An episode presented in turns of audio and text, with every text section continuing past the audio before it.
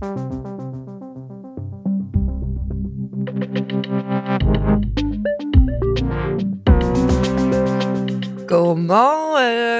og velkommen til en uafhængig morgen, som du så lytter til forhåbentlig igen, øh, om ikke andet for første gang. Danmarks eneste uafhængige morgenprogram.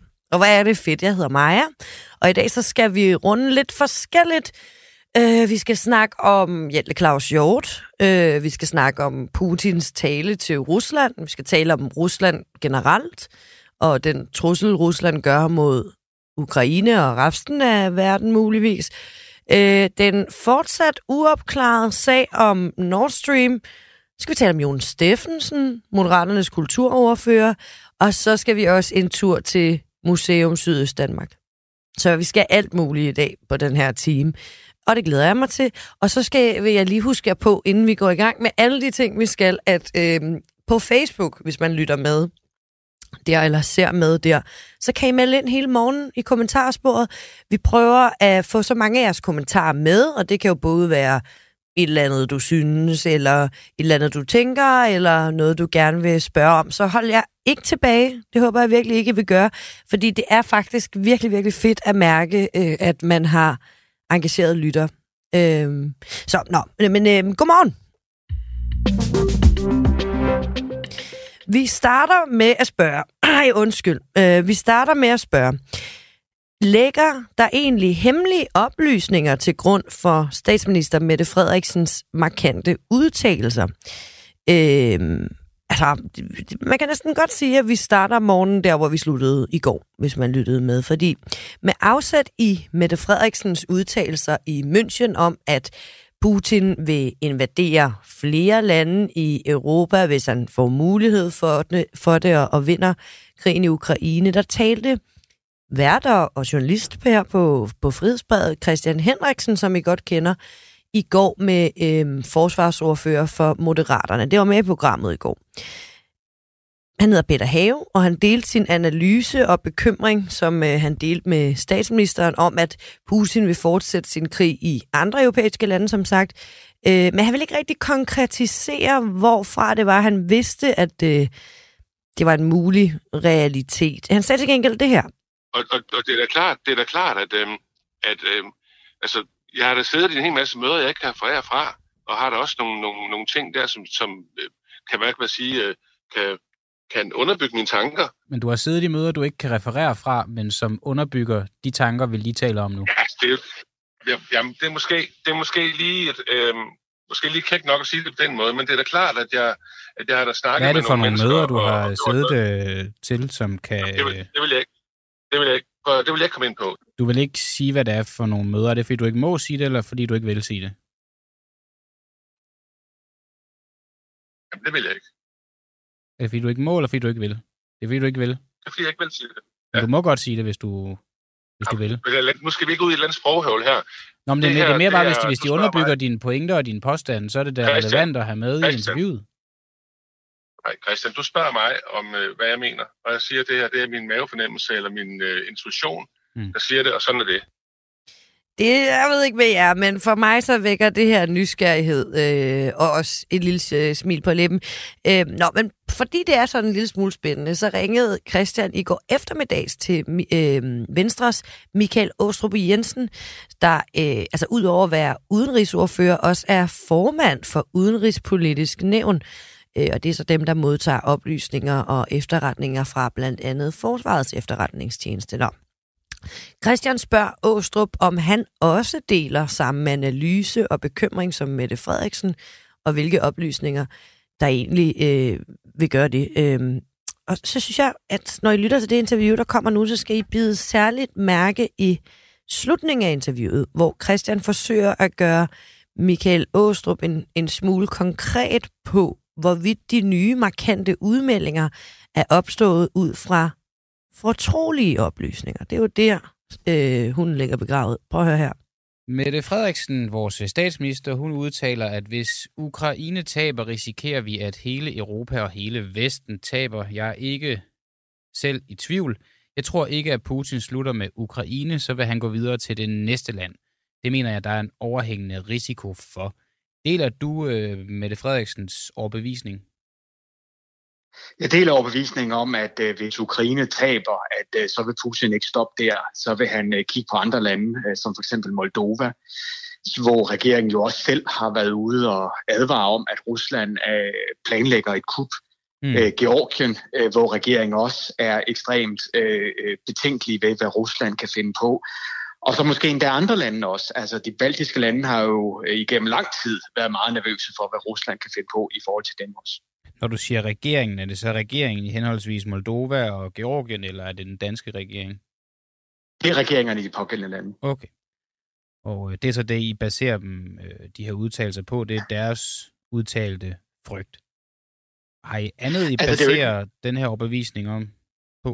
Altså, det er jo ikke nogen hemmelighed, at øh, som formand for det udenrigspolitiske nævn, øh, så får vi selvfølgelig også efterretninger øh, fra Forsvarets efterretningstjeneste, som vi beror vores øh, analyser øh, og diskussioner på i nævnet, men det kan jeg jo desværre ikke komme ind på i detaljer.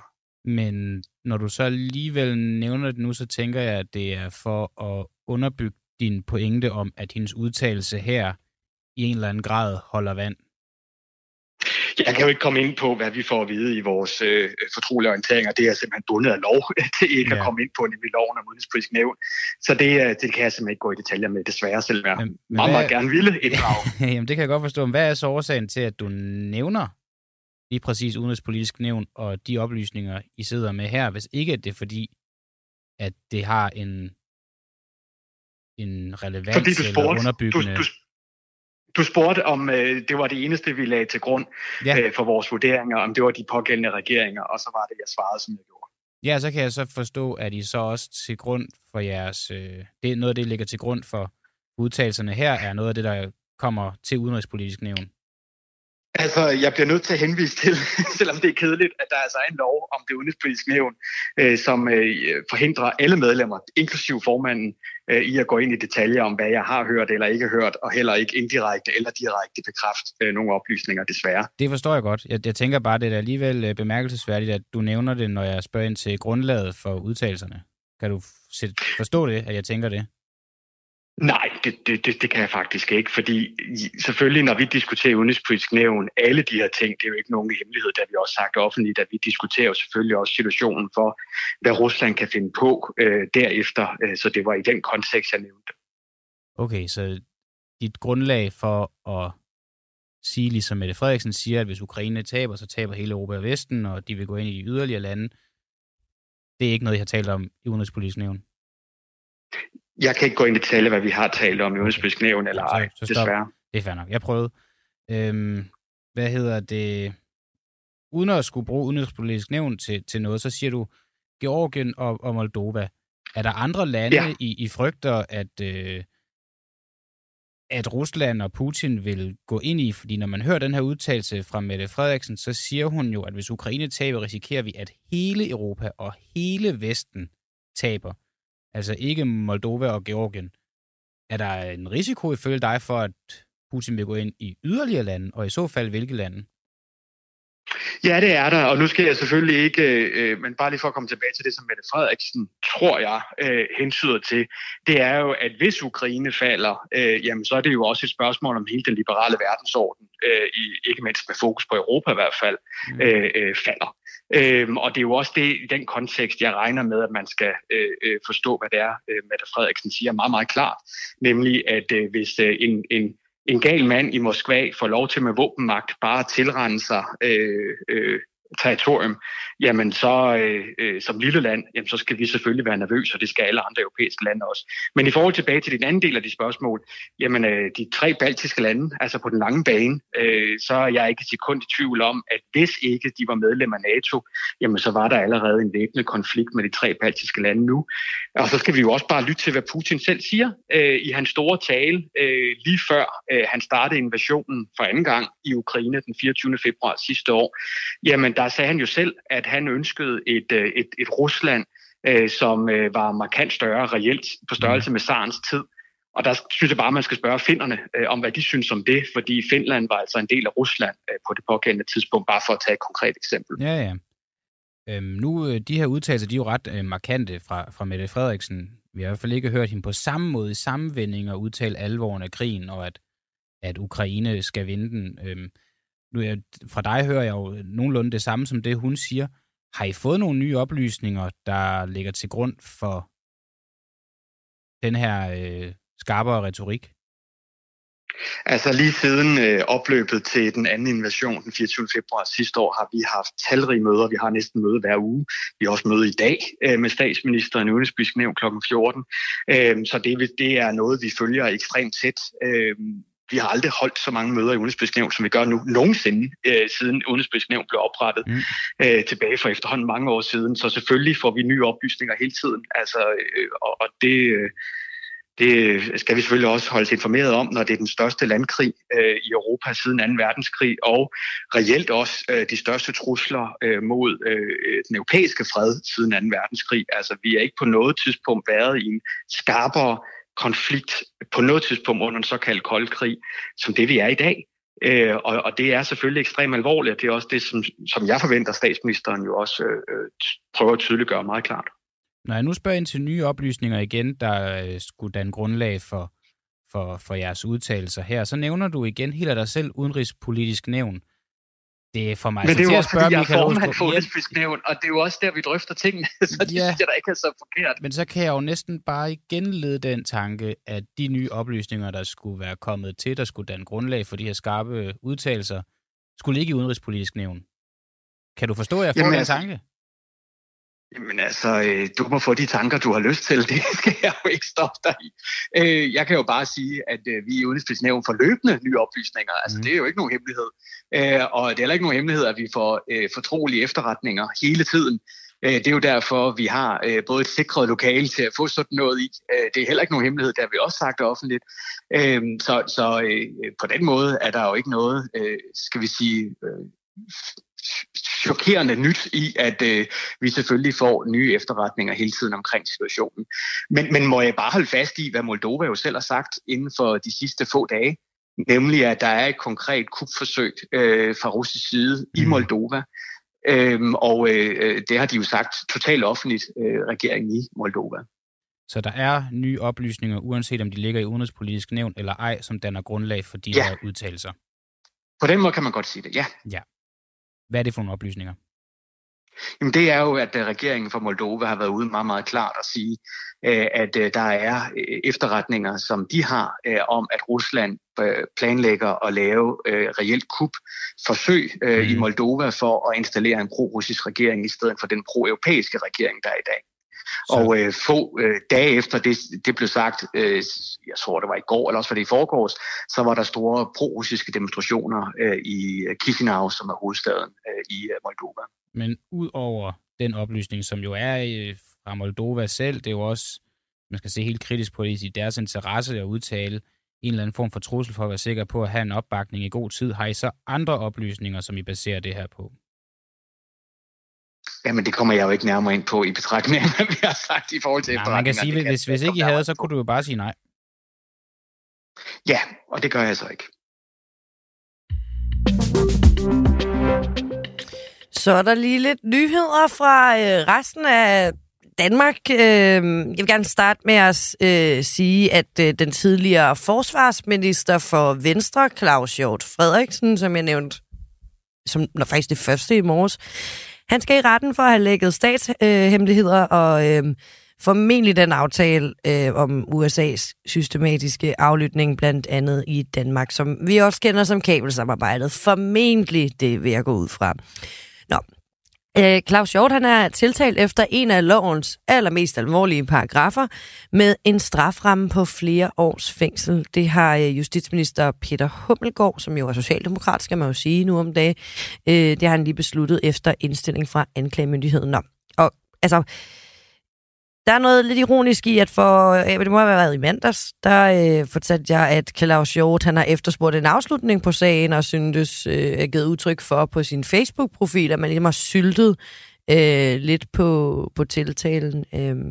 Nå, men nu kommer afslutningen på sagen, altså til Claus, øh, som i øvrigt nægter sig skyldig, og, og på sin Facebook skriver, det var ikke sådan, jeg havde drømt øh, om, at mit otium skulle være, men når det ikke kan være anderledes, så er jeg klar til at tage det slag med. Og jeg har både kræfter af og overskud til at gå hele vejen. Og øh, man kan også sige, at pensionsalderen stiger jo også, så øh, du har sikkert også tid til det. Bornholms Kunstmuseum, hvad er der med dem?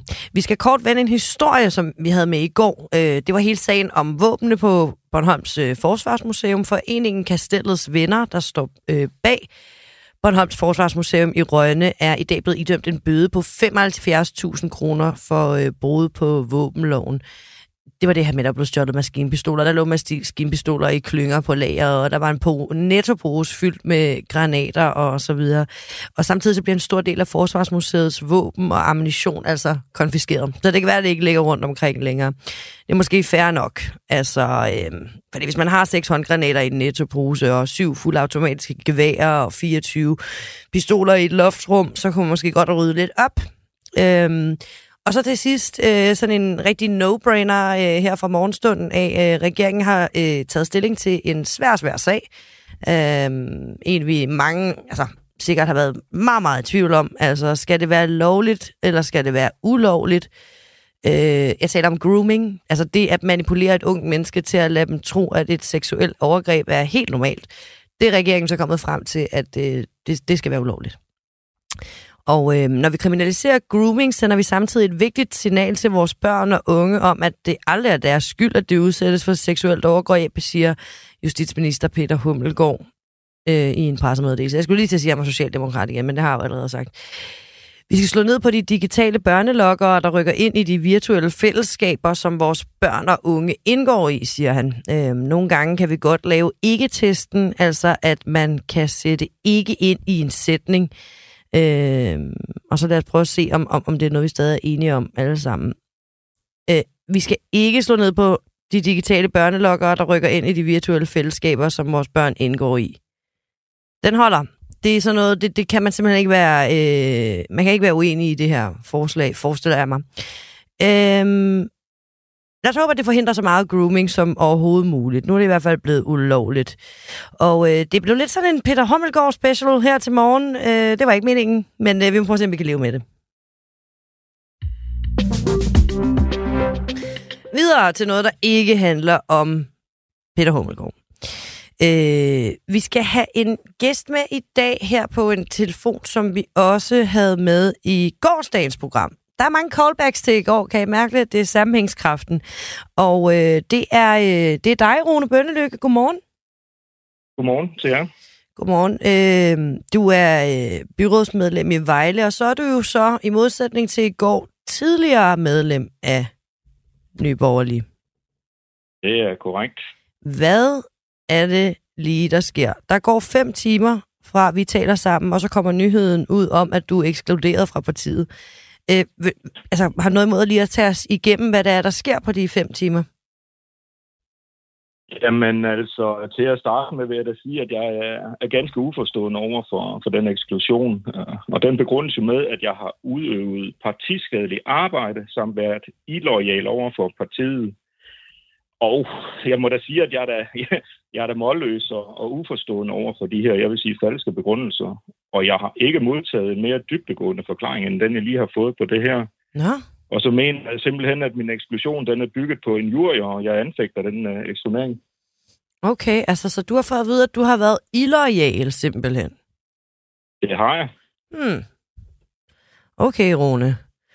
Øhm, jeg tænker på, og nu må du jo rette mig, det der det er min tanke. Vi, vi, vi talte lidt om det i går, altså som, altså så vidt jeg kan se, en af de eneste medlemmer af Nye Borgerlige, der har du offentligt sagt, at du ikke står bag den tidligere næstformand, øh, Henriette, Henriette Ergemanns, øh, øh, hvad kan man sige, indstilling til fakta. Kan man ikke godt sige det sådan? Mm.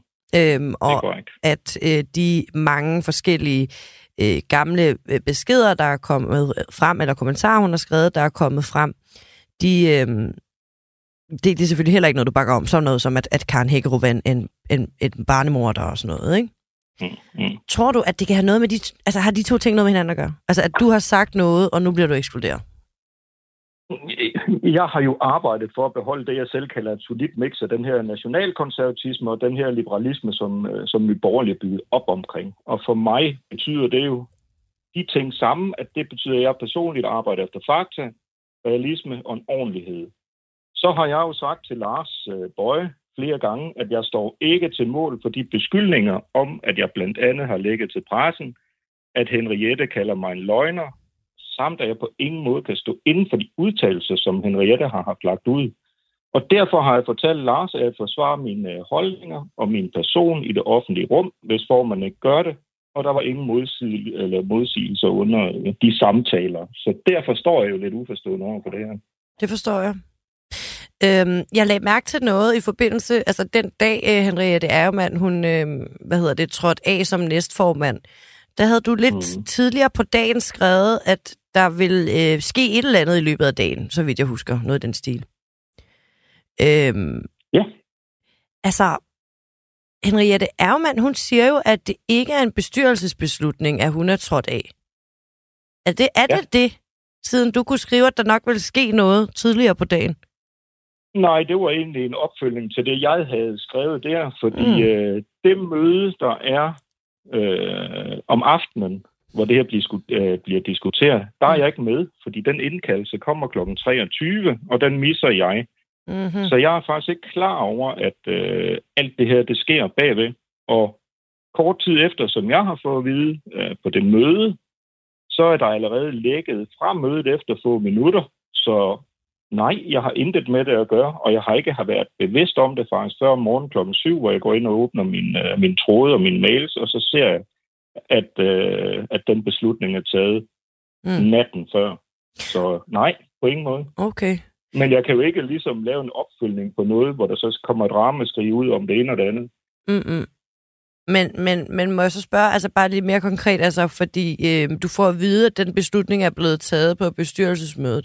Er det eller er det ikke Henriettes egen beslutning at træde af som næstformand? Nu her på den anden side af at være medlem af Nye Borgerlige, tænker jeg, at øh, der er lidt mere at snakke om.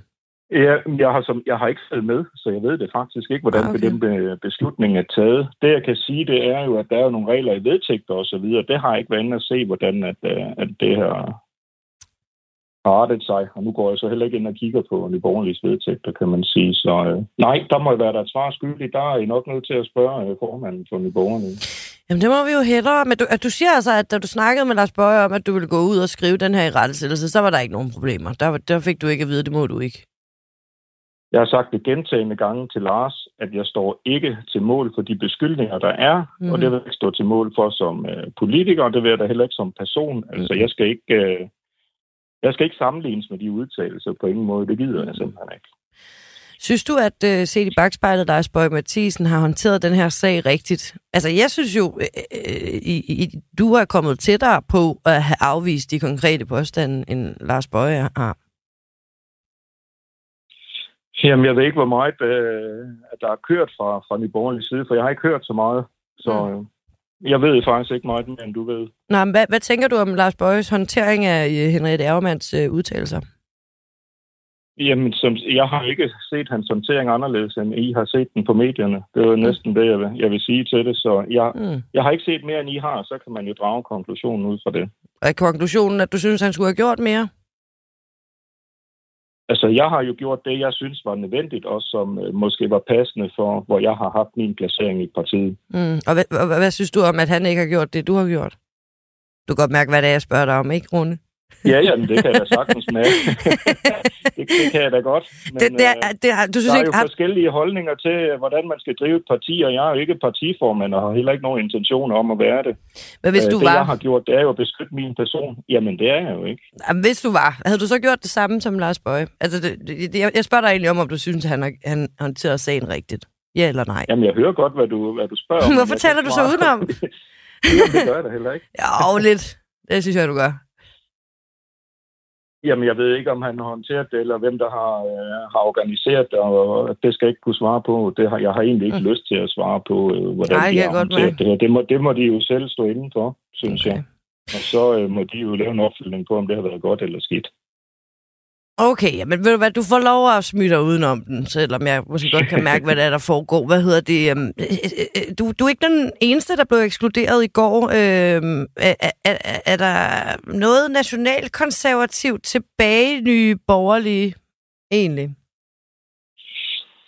Mm, nej, altså umiddelbart, hvis jeg sidder og kigger ind i dag, så kan jeg ikke genkende det parti, som jeg har, jeg har meldt mig ind i. Mm. Øh, jeg synes jo, hvis der er nogle grupper, man ikke er enig med, så, så synes jeg, at man bliver kraftigt tilsyn på, på medier og sådan noget. Og så det er jeg jo ikke vant til. Altså, det er jo ikke den linje, jeg har, har meldt ind, kan man sige. Nej, okay.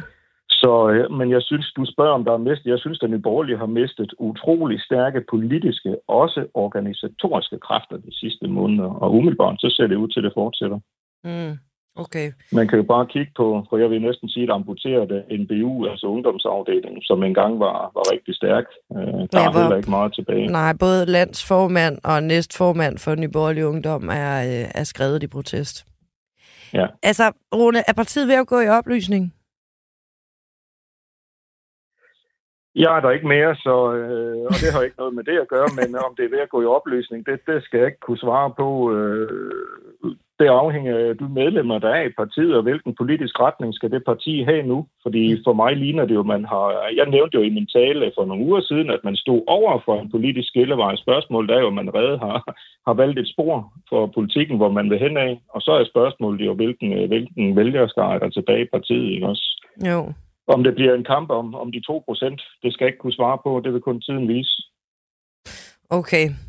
Bare lige for, for at få det hele på det rene, ikke? Øh, nu har vi danset lidt rundt om hinanden og sådan noget med, med de her mm. spørgsmål. Bærer mm. du noget som helst ansvar for, at du er blevet ekskluderet fra Nye Borgerlige Rundbøndelynge? Nej, det gør jeg ikke. Alright. Jeg, øh, har, jeg synes faktisk, jeg har taget ansvar for at forsøge at holde os på sporet med nationalkonservatismen og liberalismen, som partiet er bygget op om. Mm. Jamen, øh, skal det ikke være din sidste replik her i dag? Ved du hvad, det kan godt være, øh, du er med i morgen. Altså, du er hele tiden Jamen, er med i den her uge. Ja. Jamen, så kan det være, at vi snakkes ved i morgen. Rune Bønnelykke, byrådsmedlem i Vejle, tidligere medlem af Nye Borgerlige, og øh, ja, lad os se, hvad der sker, ikke? Det gør vi. Hej. Tak for i dag. Selv tak. Hej. Åh, her. Jon, Jon, Jon, Jon Steffensen som er kulturoverfører og, og et par andre øh, slags ordfører i Moderaterne. Men kulturoverfører, tidligere teaterchef på Avenue T, Jon, Jon, Jon Steffensen, nu den gale igen. Kulturens enfant terrible, som han vist engang blev beskrevet som i et øh, portræt i BT, så vidt jeg husker.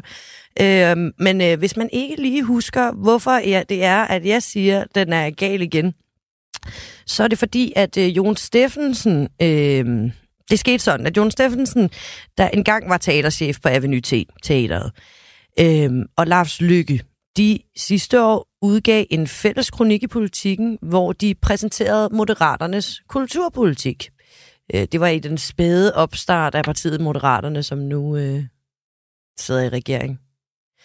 Øhm, okay. Fredag den 27. maj blev Jon Steffensen så fyret som teaterchef med øjeblikkelig virkning. Ifølge bestyrelsen på Avenue T, så skyldtes det, at der var uenigheder om grundlæggende ledelsesmæssige og forretningsmæssige forhold. Ifølge Jon Steffensen, så var det fordi, det var øh, sådan, at han havde skrevet en kronik sammen med Lars Lykke. Øh, han mente, han blev udsat for et form for politisk attentat. Øh, måske lidt en overdrivelse fra min side, men altså, at, at fyringen var politisk. Og derfor så lagde han sag an øh, mod teateret, fordi han mente, det var uretfærdigt. Altså. Nå, at øh, 19. august 2022 bringer Zetland en artikel om Jon Steffensens arbejdsmetoder, hvor en tidligere skuespiller inde på teatret blandt andet fortæller, at øh, Jon Steffensen øh, forsøgte at betale hende penge under bordet for at spille skuespil øh, på scenen, selvom øh, hun var så syg, at hun havde besvimet på scenen et, et par aftener for inden. Og så nu her, nu februar 2022, så sker der alt muligt igen. Øh, det var blandt andet en mistanke om forfalskning af en underskrift, der førte til, at folketingsmedlemmet Jon Steffensen øh, sidste år blev fyret som direktør for teateret i Avenue T. Det oplyser, øh, det oplyser Henning Dyremose, som er bestyrelsesformand for teateret, først og fremmest til børsen, øh, i en artikel, der udkommer så i går et par timer efter, at Jon Steffensen han har øh, lagt sagen mod teateret fra sig, altså fordi han vil fokusere på politik. Så han lægger sagen fra sig, Og pludselig så ruller der en masse øh, nyheder ud. Jyllandsposten kan nemlig også afdække, at Jon Steffensen kort inden sin fyring øh, havde hovedrollen i en sag om øh, to ødelagte malerier, der kan blive herredyrt øh, for Avenue T. Nå. Som sagt, øh, øh, så, så meddeler han, jeg er færdig med mit søgsmål. Øh, det er ikke forenligt lidt med at øh, bestride ordførerposter. Jeg vil jo rigtig gerne komme videre. Men som sagen så udvikler sig, altså med spørgsmålet om for, den forfalskede underskrift, ikke så meget malerierne, men de forfalskede, den forfalskede underskrift, øh, så har Jon Steffensen altså tænkt sig at anlægge en ny sag. Denne gang er det så en injuriesag mod øh, Henning Dyrmose, og øh, det er en sag, hvor at, øh, altså, Øh, modparten så beskyldes for at have fremsat falske og æreskrænkende oplysninger. Hold op, okay. Nu er vi totalt med på, tror jeg, hvad der er sket med Jon Steffensen i løbet af den seneste stykke tid. Og nu håber jeg også, at I lyttere derude er totalt med på, hvorfor jeg rigtig, rigtig, rigtig gerne vil tale med Jon Steffensen. Jeg ringede til ham hele dagen i går. Havde desværre uden held. Jeg tænkte mig at ringe til ham igen i dag. Forhåbentlig med held. Øhm, og øhm, Jon, hvis du lytter med, så må du selvfølgelig også gerne ringe til mig. Øh, det er alle de ubesvarede opkald. Øh, der ligger med sådan en rød, hvis du har en iPhone. Øh, og I andre, I kan skrive til maja.frihedsbrevet.dk. Og øh, ja, vi må hellere komme videre. Nå, godmorgen Lasse. Godmorgen, Maja. Lasse Sandborg. Øh, vi skal nemlig tale om Museum Sydøstdanmark nu her. Øh, du har skrevet Museum Museum Sydøstdanmark sammen med vores kollega Emil Findalen, men for dem, der ikke øh, lige har tid til at gå tilbage og lytte i den uafhængige gamle programmer lige nu, kan du lige rewind? Hvad er det, der sker? Der sker det, at øh, vi har kigget lidt på ham her, der hedder Torbjørn Kolbo, og han er museumschef for Museum Sydøstdanmark, som ligesom er en paddehattebetegnelse for otte museer nede i området omkring Køge, Næstved og Vordingborg. Den første historie, vi laver, det er, at øh, Torbjørn Kolbo, han sælger kunst i sin egen private kunsthandel for kunstnere, som han så udstiller i stor stil på museerne her øh, under mest fremtrædende Jim Lyngvild. Det finder vi så ud af, og øh, så stopper han så med det. De kan ikke rigtig se et problem med det. Så finder vi så senere ud af, at der også er blevet solgt ting fra Torbjørn Koldbos kunsthandel i museumshoppen på uh-oh. det, der hedder Holmegård Værk. Og det er så de to historier, vi har lavet, indtil den tredje historie. Det er den, der kommer i dag. Det er den, der lige er kommet i dag. Eller lige, Nå, den er kommet ud i Frihedsbredets app. Ej, hvor spændende. Hvad handler den om, mand? Den handler om, at i den periode, hvor Torbjørn Kolbo han har været ansat i en ledende stilling på museet, der er hans mor, mm. hans fætter og hans svoger også blevet ansat på museet. Herunder øh, to ret øh, tunge stillinger som art director og byggeleder i Torbjørn Kolbos egen afdeling. Mm, det lyder da meget hyggeligt. Hvad er problemet med det? Jamen, det er, som øh, Jesper Olsen fra Transparency International siger, ren nepotisme. Oh-oh. Øh, ja, og, øh, og vi har prøvet at få fat i både Kjeld Møller Hansen, der er chef for museet, og Torbjørn Kolbo. Men det har været svært at få et interview, så det vi gjorde, det var, at vi faktisk kørte til Holmegård Værk, hvor de to sidder i går. Hallo? Mig og Emil.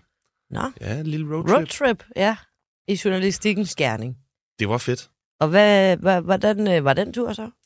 Jamen altså, man kører jo sydpå, og så kører man af motorvejen på et tidspunkt ud af en mark, og så kommer Ej. man til den her lille, lille by, der hedder Holmegård. Øhm, og så på bagsiden af Holmegård, der kommer man ind i sådan et industriområde, som du kan finde i de fleste danske provinsbyer, tror jeg. Mm. Og man tænker egentlig sådan, jeg må være kørt forkert, der ligger ikke et museum her. Men Ej, okay. om bag lagerhallene og de rygende skorstene og alt det her, der ligger så et øh, ret fint museum øh, for puttet. Og vi går lidt rundt og forhører os. Er øh, Kjeld Møller der? Kan vi få en snak med ham? Og, og det lader til, at han, han er til stede, og vi kigger mm. lige på udstillingen. Hvad, hvad var der udstillet? Bare lige Jamen, det, Holmegård, det er glas. Det er ah. glas i stor stil. Øh, kunstglas, drikkeglas, der var Carlsberg ølflasker, der ah. var alt muligt forskelligt. Øh, og så er der også en masse kælervaser. 6.000 kælervaser. Så 6.000 kælervaser? 6.000 kælervaser. Nå, okay. Og 42.000 stykker Holmegård glas. Alright, jamen der var der nok at kigge på, mens I gik og ventede der. Øh, endte han så med at dukke op med den? Jamen, vi går så ned i receptionen og spørger, om vi kan få det her interview, og så siger den søde receptionist, jeg kan simpelthen lige gå op og spørge ham. Og mm. ind for højre kommer der så en anden i reception, der siger, han er her slet ikke i dag. Og så kan mm. ham, vi snakkede med, jo så også godt huske, at Ejkeld var her faktisk slet ikke i dag. Der var enten en med dårlig hukommelse, eller der noget andet i gang der, var. Ja, Hmm. øhm, og vi har en lille mistanke om, at han måske nok har været der. Ja. Øhm, Hmm. Men øh, snak med om det har vi ikke fået lov til. Vi har til gengæld fået nogle svar på mail. Og øhm, han, Kjeld Møller Hansen, der er den øverste direktør på museet, siger, at det er hans ansættelser, det har ikke noget med Torbjørn at gøre. Og det er hans vurdering, at det har været de mest kvalificerede til jobbet. Altså hans familie. Ja, Hans nærmeste familie. altså hans underchefs nærmeste familie. Okay. Hmm. Ja, ja. Øh, der må være nogle flere ting, man gerne vil have svar på i forhold til den her sag, forestiller jeg mig. Der er masser af ting, man gerne vil have svar på. Man må for eksempel gerne vide, øh, hvordan det kan være, at øh, Museum Sydøstdanmark følger dele af offentlighedsloven, men øh, ikke forvaltningsloven. Det er sådan med selvejende kulturinstitutioner, at man selv kan vælge, hvor meget man følger af det her. Der er ikke rigtig et regelsæt for det. Men mange vælger så, fordi der er så store mængder statsstøtte i de her projekter, og følge forvaltningsloven. Hmm. Museum Sydøstdanmark, der kan du søge agtindsigt for eksempel. Men du kan så åbenbart ikke agere efter forvaltningslovens principper om inhabilitet, som jo ikke er blevet fuldt hverken i de her ting med kunsthandlen eller de her ansættelser. Mm. Og Kjell Møllers forsvarer også de her ansættelser lidt med, at de, der er ingen af dem, der har været udbudt. Men det er fordi, at det var kortsigtede ansættelser. Men alle ansættelserne er så blevet fastansættelser sidenhen. Nej, okay. Og der kunne du godt tænke dig at blive lidt klogere på. hvad der er sket i den proces, hvornår finder de ud af, at det her det går fra en timeansættelse til en lang ansættelse, hvorfor den ikke bliver udbudt overhovedet. Hvordan kan man være sikker på, at man finder de bedste, hvis den ikke bliver udbudt? Og hvordan kan man være sikker på, at øh, det er i hvert fald godt nok bemærkelsesværdigt, at øh, den tætte familie er de bedste kandidater. Det må jeg sige. Det kan man tænke sit om. Det tænker, det vil nogen tænke. Det vil nogen tænke. Nå, men altså, altså det, er, er- noget med, I kommer til at fortsætte lidt i det her øh, østdanske museumsspor? Jeg tror ikke, vi har øh, set det sidste til Museum Sydøstdanmark. Jamen, så kan man- skal I ud og køre igen? Det kan jeg ikke afvise. Nå, okay. Også Jamen, fordi det er brandhyggeligt. Ja, det kan jeg forestille mig. Det var også brandhyggeligt, at du var her. Jeg er næsten ked af, at du skal gå, men jeg bliver desværre nødt til at gå videre. Det er simpelthen i orden, mig. Kan du have en god dag?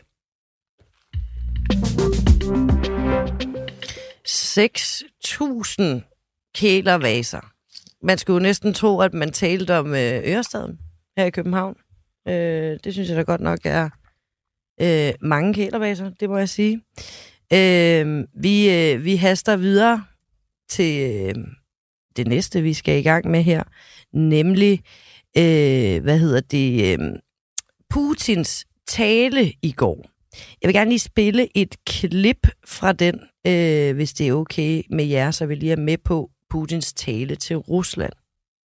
Мы не воюем с народом Украины, об этом я уже много раз говорил. Он стал, сам народ Украины стал заложником киевского режима и его западных хозяев, которые фактически оккупировали эту страну в политическом, военном, экономическом смысле. Ja, øh, hvis øh, nogen ikke øh, lige forstod det, så får I den lige på dansk.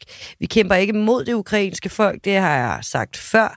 De er gisler for regimet i Kiev og det vestlige herre, som har besat landet i politisk, militær og økonomisk forstand. Og sådan lød det altså fra Vladimir Putin, Ruslands præsident i går, da han holdt sin årlige tale til øh, nationen. En, en tale, der faktisk blev udskudt øh, sidste gang, så vidt jeg ved. Han talte i to timer, og så berørte han faktisk ikke kun krigen i Ukraine, som jo nok er det, man sidder og lytter efter som øh, vestling. Øh, men han snakkede også om skattelæsselser til børnefamilier, og derfor øh, så skal vi spørge øh, Flemming Splidsbol, hvad vi kan tage med fra Putins tale. Godmorgen, Flemming. Ja, godmorgen. Du er seniorforsker ved Dansk Institut for Internationale Studier, øh, og så ved du helt vildt meget om Rusland. Inden vi kommer for godt i gang med talen fra i går, så vil jeg bare lige nævne, at jeg også lidt senere har lidt spørgsmål om situationen i Hvide Rusland, men dem kan vi bare tage til sidst. Er det okay? Mm-hmm. Det er rigtig fint. Øh, sådan lidt åbent spørgsmål at starte ud på her. Altså, hvad er for dig med, med din indsigt det, det vigtigste at tage med fra Putins tale i går? Øh, Jeg synes, den overordnede tone var øh, afdæmpet. Jeg synes faktisk, det var en forholdsvis tam tale. Måske lidt i, øh. Sådan i relation til, hvad folk havde forventet. Ja. Øhm, og det er jo blandt andet, fordi han talte ganske kort om krigen, ikke så meget. Men han talte jo egentlig mere om nogle af de ting, du allerede var inde på. Mm. Altså skattelettelser og skoler og uddannelsessystemer. Han fortalte, at 2023 er pædagogens år i Rusland, og derfor så skal man fejre de gode pædagoger osv. Og det Ja. indtryk, der står tilbage, og som også kommer i nogle af de russiske medier i dag, det er, at han forsøger at vise russerne, at de kan køre krigen videre under normale omstændigheder. Det var ikke en præsident, som var op på den helt store klinge, og som talte om at mobilisere landet og ressourcer, og folk skal engagere sig i det osv. Det han på en måde sagde, som ikke heller hænger helt sammen, men det han på en måde sagde, det var, at vi er i krig, men der er også en dagligdag, og den her dagligdag, den skal jeg beskrive nu, mm. og så skal jeg fortælle, hvilke idéer og planer, jeg har for ligesom at forbedre dagligdagen for jer. Okay, så det er, jo, det er jo meget til den almindelige russer, hvis man kan sige det. Den almene russer. Øh, prøv, han, han tordnede jo egentlig også mod rige russere, der indtil krigen har lagt mange af deres penge i Vesten. Altså han sagde vist noget med, at det russiske folk ikke havde ondt af dem, der for eksempel havde mistet deres yacht eller deres bolig. Hvorfor er det egentlig en vigtig ting for Putin at have med i sin tale, tænker jeg? Det kan det jo være dels fordi almindelige russere jo mærker konsekvenserne af krigen, og ikke bare det. Øh, der var realløns øh, nedgang i Rusland otte år i træk op til krigen. Øh, så russerne har færre penge i dag, end de havde for nogle år siden. Og, og derfor er det måske vigtigt for Putin at sige, at han er i kontakt med almindelige mennesker, og han selvfølgelig ikke er en del af den der meget velhavende, velhavende overklasse. Så er der også noget i det i forhold til patriotismen øh, hyperpatriotisme, som jeg plejer at kalde det. Jeg så en russisk avis her til morgen. De talte om turbopatriotisme.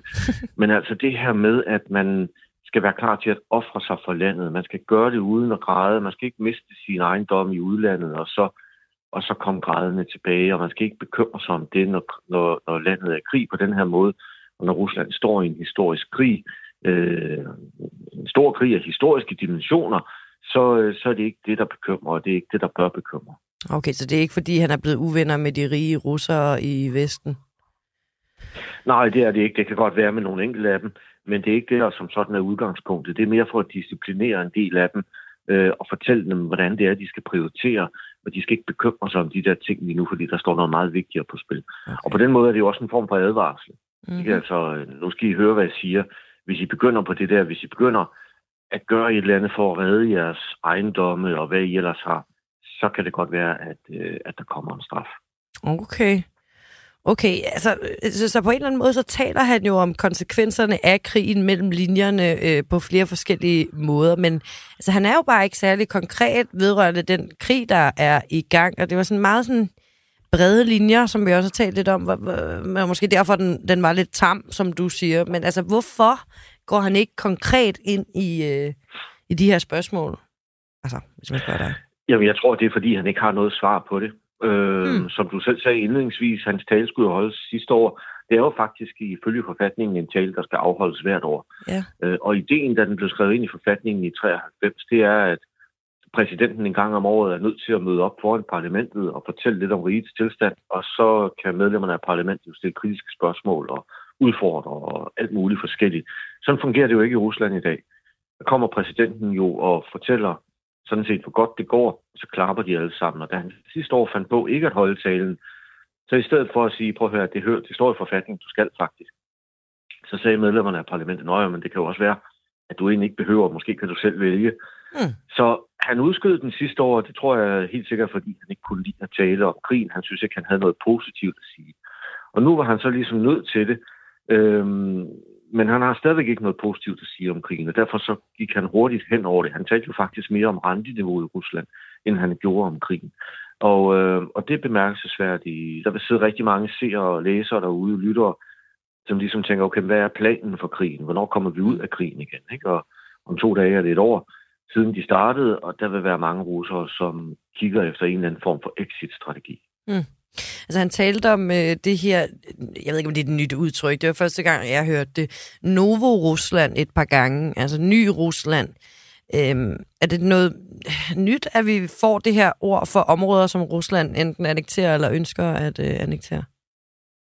Nej, det er et ord, de har brugt rigtig meget. Okay. Et, et Og så er det bare mig. Som, som de har brugt meget, og som går, øh, går meget langt tilbage øh, i historien også. Så det er Altså, sådan lidt løst område, og det er jo det, som vi blandt andet nu forbinder med, russerne gør, forbinder med øh, det sydøstlige Ukraine. Og det er blandt andet de to regioner, der hedder Zaporizhia og Kherson.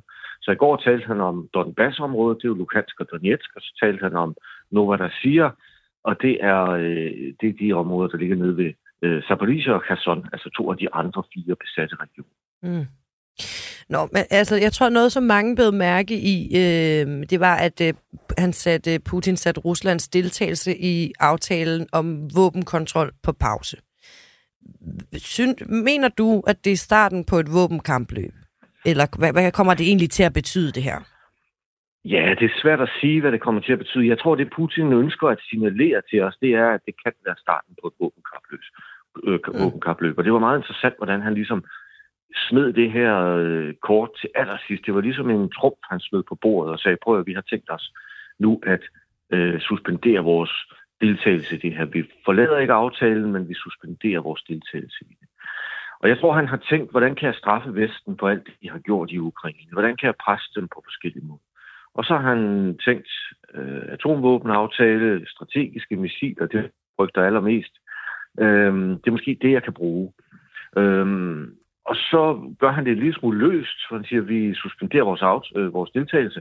Og jeg hørte jo i går øh, generalsekretæren i NATO, Jens Stoltenberg, skynde sig ud og sige, at han opfordrede Putin til at, at ligesom gentænke det og måske blive i aftalen.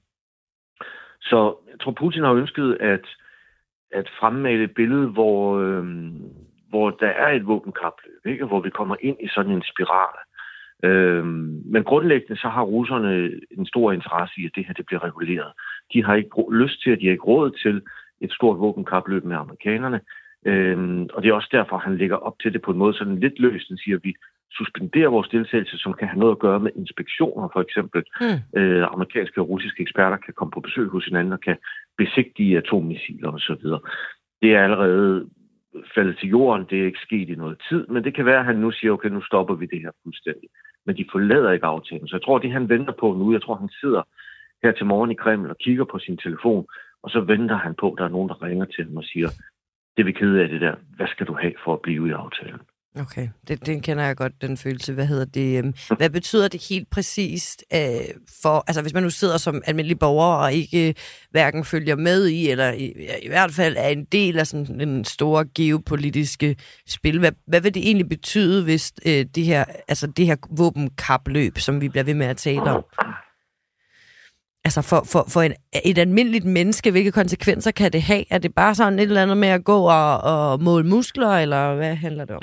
Ja, det er det lidt. Det betyder ikke noget for dig eller mig. Øhm, okay. De har i forvejen så mange sprænghoveder. Øhm, russerne er det land i verden, der har flere sprænghoveder. De har, de har flere sprænghoveder, end de har brug for. De, det er jo nærmest et problem at komme af med dem. Det er forholdsvis dyrt at komme af med dem også. Øh, så, øhm, så det kommer ikke til umiddelbart at betyde det helt store. Men der ligger selvfølgelig noget symbolisk i det, og det er jo det, Putin er opmærksom på. Hans rådgiver vi siger ligesom, vi kan prøve at skræmme Vesten med det her, ikke med udsigterne til, at, øh, at der nu kommer et, øh, et atomkapløb, og vi giver den fuld skrue på udviklingen af sprænghoveder og på nye missiler, og så opstiller dem forskellige steder.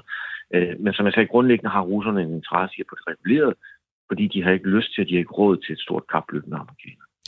Vi hørte talen her på, på redaktionen i går og, og snakkede lidt om det, fordi han lover jo penge til krigen, snakker vi om. Han lover penge til veteraner, til familier, til infrastruktur. Så taler han om den her aftale godt nok også. Men, men, men alle de her lovninger om at øh, smide, øh, smide penge efter den almindelige russer, altså som journalist får man jo lyst til at spørge ham, hvor kommer pengene fra? Altså, er det her bare noget, han siger ud af den blå luft, eller øh, hvor skal pengene komme fra? Jeg ved godt, du kan ikke lige stå til ansvar for hans Ja, det er det jo. Det er på en måde noget, han siger ud af den blå luft. Det er sådan set meget fint observeret, fordi det er jo nogle særlige forhold, der gælder i Rusland. Så når han står derinde og siger, at vi skal gøre så og så meget, og vi skal gøre det, og der skal hjælp, og der skal flere skoler og mere infrastruktur osv., så, videre, så følger medierne jo ikke op på det. Det er jo ikke sådan, at russiske medier om et år dykker ned i det her og siger, nå, herr præsident, hvad blev der så faktisk af de her planer? Mm. Nej, det de gør i stedet er at de i dag hylder ham for de visioner, han har. Og så, øh, og så kan det være, at der bliver bygget en skole et sted. Han, jeg tror, han taler om 600 nye skoler. Og så er der bygget en skole et sted, og så kommer de ud og tager billeder af den og viser, hvor fint den er, og hvor godt det går. Og der er så nogle interaktive skærme og forskellige ting, som kan vise, hvor, hvor langt de er kommet. Men i øvrigt er der kun bygget 37, og der er kun to af dem, der har interaktive skærme. Mm. Men det er det billede, de ønsker at give øh, befolkningen, og befolkningen kan ikke selv opsøge information, for medierne dækker det ikke. Så det er faktisk stort set gratis for ham at komme med de her løfter, for der er ikke nogen, som holder ham til ansvar for det. Øhm, de gør de heller ikke engang til valgene, fordi de har ikke mulighed for at dykke ned i, hvordan det faktisk går. Så det er, øh, det er lidt løs øh, snak. Noget af det skal nok blive til noget, men rigtig meget af det, det vil bare køre sådan, som det nogle gange gør, og det er slet ikke sikkert, at der bliver leveret på den måde, som, som han lovede i går. Men det er også et, et gennemgående tema i ja. hans taler, det er selvfølgelig, at han stiller sig op og siger, sådan som den omsorgsfulde præsident, jeg ved godt, at tingene går ikke helt, som I måske havde håbet på og ønsket, men nu skal I se her, jeg har en rigtig god plan. Og så fortæller han om den der plan, og så gentager han sådan set noget af det samme året efter. Nå, men det er sådan lidt, det kan også godt ske lidt i Danmark, det der, kan det ikke? Jo, det kan. Det har vi jo heldigvis sådan nogen som jer, som, øh, som, øh, som bider jer fast, ikke? Og, øh, og kigger på, det er, det er helt væk i Rusland, desværre. Okay, en anden ting, inden vi skal videre til, øh, hvad hedder det, Hvide Rusland, eller Belarus, undskyld. Øh, i, Putin, han, han, han kom med en kritik, af, jeg vil nærmest sige, han kom med en kritik af woke-bevægelsen. Han snakkede om, om vestlig, vestens åndelige forfald med alle de nye køn, og ikke mindst øh, homovielser. Hvad, hvad sker der der? Hvad handler det om? Ja, men det er jo det er et gammelt tema, og det er meget øh, sådan øh, egentlig øh, øh, sådan lidt forsigtigt formuleret er der ikke, at han kom med en form for kritik. Han bulver jo afsted mod LGBT og woke og alt muligt. Og det er blevet det spøgelse, han holder op for russerne på en måde og siger, prøv her, hvis ikke I stemmer for mig, så ender I herover, hvor der er homovilser og hvor der er en kønsneutral Gud, og hvor der er alt muligt forskelligt, mm. som slet, slet ikke passer til jer, og som er i modstrid med alt, hvad vi nogensinde har stået for. Og det er bemærkelsesværdigt. Det fylder rigtig meget. Det er jo blevet skrevet ind i forfatningen. Øh, I forbindelse med forfatningsændringer i 2020 står der nu i forfatningen, at øh, et ægteskab er en union mellem en mand og en kvinde. Og i forvejen var der jo ikke øh, mulighed for homoægteskaber i Rusland, men nu står det simpelthen i forfatningen.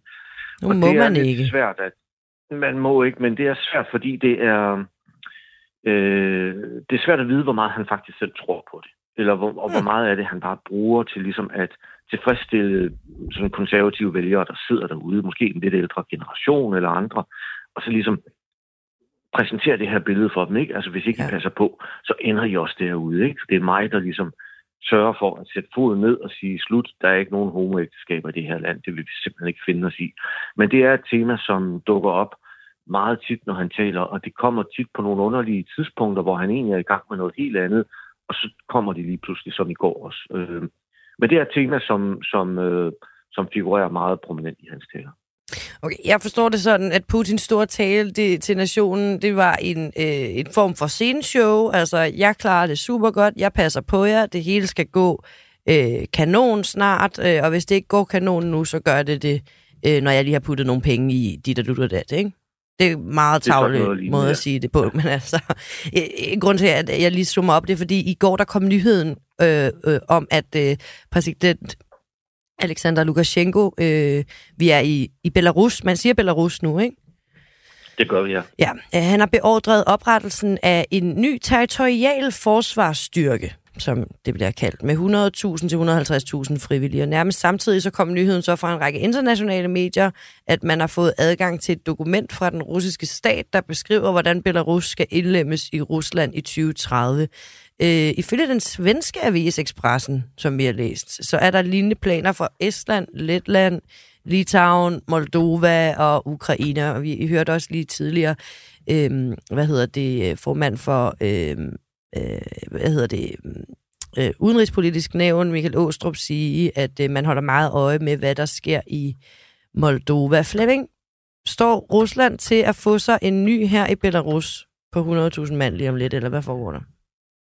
Uh, det tror jeg ikke, de gør, men, men de tager skridt i den retning selvfølgelig. Uh, mm. De her lande, som du nævner, og som er nævnt i det her papir, de er jo meget forskellige. Uh, det er meget forskellige lande, de er meget forskellige status. Estland, Letland og Litauen er både med i NATO og i EU, og det er jo en helt, helt anden opgave for russerne, hvis det skal være. Belarus, øh, under Lukashenko, og nu brugte du ordet præsident, og det gør jeg også nogle gange, og så skriver folk til mig og siger, du må ikke kalde ham præsident. Ups. Og det er også rigtigt, fordi vi anerkender ham ikke. Så jeg plejer at sige diktator, når jeg husker det. Så øh, Belarus diktator Lukashenko ved godt, at uden russisk støtte, så vil han ikke kunne sidde, hvor han sidder i dag.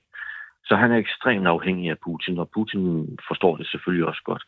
Øh, og det, der er sket siden præsidentvalget i 2020, det er, at han har bragt Belarus tættere og tættere på Rusland. Han er sådan set ved at sælge sit eget land, øh, som det er prisen for, at han kan få lov at sidde stadigvæk inde i præsidentkontoret. Mm. Så Belarus øh, rykker tættere på, og der kunne sagtens være planer i Rusland om til sidst simpelthen at hapse dem øh, og indlemme dem i Rusland som et antal nye regioner.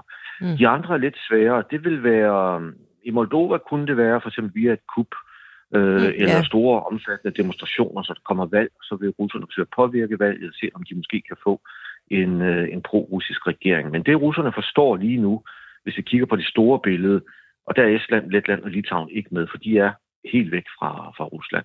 Men det er, at det er nu, det bliver afgjort, om Rusland kan, kan bevare sin magt over de her tidligere sovjetrepublikker. Det er nu, de søger væk. Hvis Rusland har held til det, især i Ukraine, som er det stærkeste af de her lande, så vil de nok kunne disciplinere dem et stykke tid nu. Hvis de ikke har held med det, hvis Ukraine glider fuldstændig væk, så vil de andre også følge efter. Og det, der på en måde står på spil, og som jeg opfordrer folk til ligesom at, at, at, at, at tage som en ramme, det er, at Rusland er, øh, jo er et, et gammelt imperium. Og det her, det er deres tidligere område. Ikke nu nævnte du selv det her nu, og der siger, det er jo en historisk betegnelse for en del af koloniområdet, som det russiske imperium havde. Så, så det, der egentlig står på spil, det er, om russerne kan bevare indflydelsen over deres tidligere kolonier eller ej. Altså, er det... Og, øh, ja. og der, derfor har de nogle planer for os at, at forsøge at fastholde dem. Her til sidst, altså vil du sige, bare lige for at spørge ind til det, du siger, altså er det her de facto en plan om en Sovjetunion 2,0 eller sådan noget, Storrusland, eller... Ja, det kan man sige en blanding af det måske. Sådan en slags Sovjetunion 2,0, men en meget mindre udgave, og slet ikke en kommunistisk udgave osv. Men, men det er en nostalgi øh, for det tidligere Sovjetunion. Det ligger Putin jo ikke skjult på, og rigtig mange russere har den nostalgi.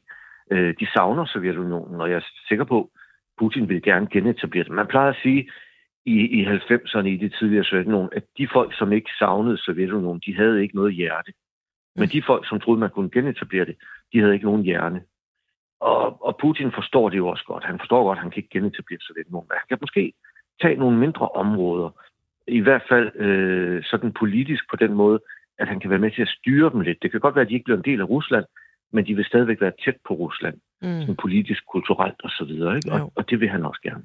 Spørgsmålet er så, om han skal styre dem med hjernen eller med hjertet. Øh, Flemming Splidsbol, øh, jeg tror, vi kunne snakke sammen hele dagen, men det skal vi ikke. Fordi jeg skal lige snakke om noget andet nu også. Men jeg er rigtig glad for, at øh, du er med og gjorde os alle sammen meget, meget, meget klogere. Du er seniorforsker ved Dansk Institut for Internationale Studier, og øh, så er det i hvert fald ikke sidste gang, du er med, kan jeg mærke. Tak for det. Hej, hej. I lige måde. Hej. Nå, øh, så jeg ved ikke, om jeg skal blive ved med at sige det, men det er jo ikke sikkert, at I alle sammen sidder og lytter med hver eneste dag. Men her på en uafhængig morgen bliver vi ved med at tale om Nord Stream, og det er lige det sidste, vi skal snakke om her i dag. Altså, det er et løfte for os som et magtkritisk medie til jer lyttere, at vi holder fast i en sag, som ellers godt kan sådan drukne lidt i øh, alle de andre ting, der sker. Det, altså, det, det, det er vanvittigt, at... Øh, Altså, det er en vanvittig sag, som vi efter fem måneder efter sprængningen stadig ved meget, meget lidt om. For to år siden, der øh, udkom den Pulitzer-vindende og ellers rimelig øh, kontroversielle øh, Seymour Hersh med sit bud på, hvad der var sket, forklaret i detaljer, hvordan USA med Norges hjælp skulle have stået bag sprængningen. Den er så blevet øh, kritiseret øh, rimelig meget fra flere forskellige fronter, den her øh, artikel, han har skrevet, men det er ikke afkræftet, at det er USA, der står bag. Det har Peter Ernstved, der er chefredaktør på Forsvarsmediet Olfi, fortalt os her på en uh, uafhængig morgen, skal det lige siges. Nå. To irske medlemmer af Europaparlamentet, Claire Daly og Meg Wallace, begge fra det irske venstrefløjsparti Independent for, Independence for Change. Uh, for uh, metal. De tog det op i Europaparlamentet. Prøv at høre, hvordan det lød. Only last September, Commission President von der Leyen stated that it was paramount to now investigate the Nord Stream pipeline attack and that any deliberate disruption of active European energy is unacceptable and will lead to the strongest possible response. the strongest possible response. Well, Pulitzer Prize winning reporter Seymour Hersh, probably the most legendary investigative journalist alive, just published a report that presents detailed claims that, on President Biden's orders, the US, with Norway's help, blew up the Nord Stream pipelines. Hirsch has a long track record of journalistic integrity. This was a premeditated terrorist attack on European critical infrastructure. It was also environmental terrorism. Does the EU care? Do you need to know who did it? Or do you want to know? Hirsch says the US did it. Did you ask him? Did you ask them did they do it? Or, or did you ask them questions anymore? Have we become so subservient? Has the EU become so subservient to US empire? They just can't even ask them if they did it. Is it a fucking joke? Hold op, øh, han får da lige hisset sig lidt op ham her. Øh, nå, men øh, han køber sig i hvert fald ind på Simon Høs forklaring, som jo er blevet kritiseret både i danske og alle mulige andre medier for overhovedet ikke at øh, stemme overens med virkeligheden. Og øh, så kunne han vist også godt, råbte han, tænke sig, at EU lige får spurgt USA, om det egentlig var dem, der sprang Nord Stream i luften. Øh, officielt så har EU skrevet Høs forklaring, altså som altså, udskrevet det som spekulationer, og venter på de enkelte landes undersøgelse af sagen, som jo ikke øh, øh er, er helt det samarbejde, det har vi beskrevet før. Der er alle mulige undersøgelser i gang. Nå, vi må se, hvor længe vi skal, skal vente på dem. Øh, det er ikke til at sige, men øh, hold da op en ophidselse af afslut øh, dagen på. Jeg er rigtig glad for, at I lyttede med derude. Der var jo vildt mange forskellige ting at tale om, og, og, og det, det, det er der også i morgen. Og, og derfor så er vi også tilbage i morgen. Jeg hedder øh, Maja Tækkeli, øh, ude i regien sad Oliver Noppenau og Magne Hans. Vi snakkes ved i morgen.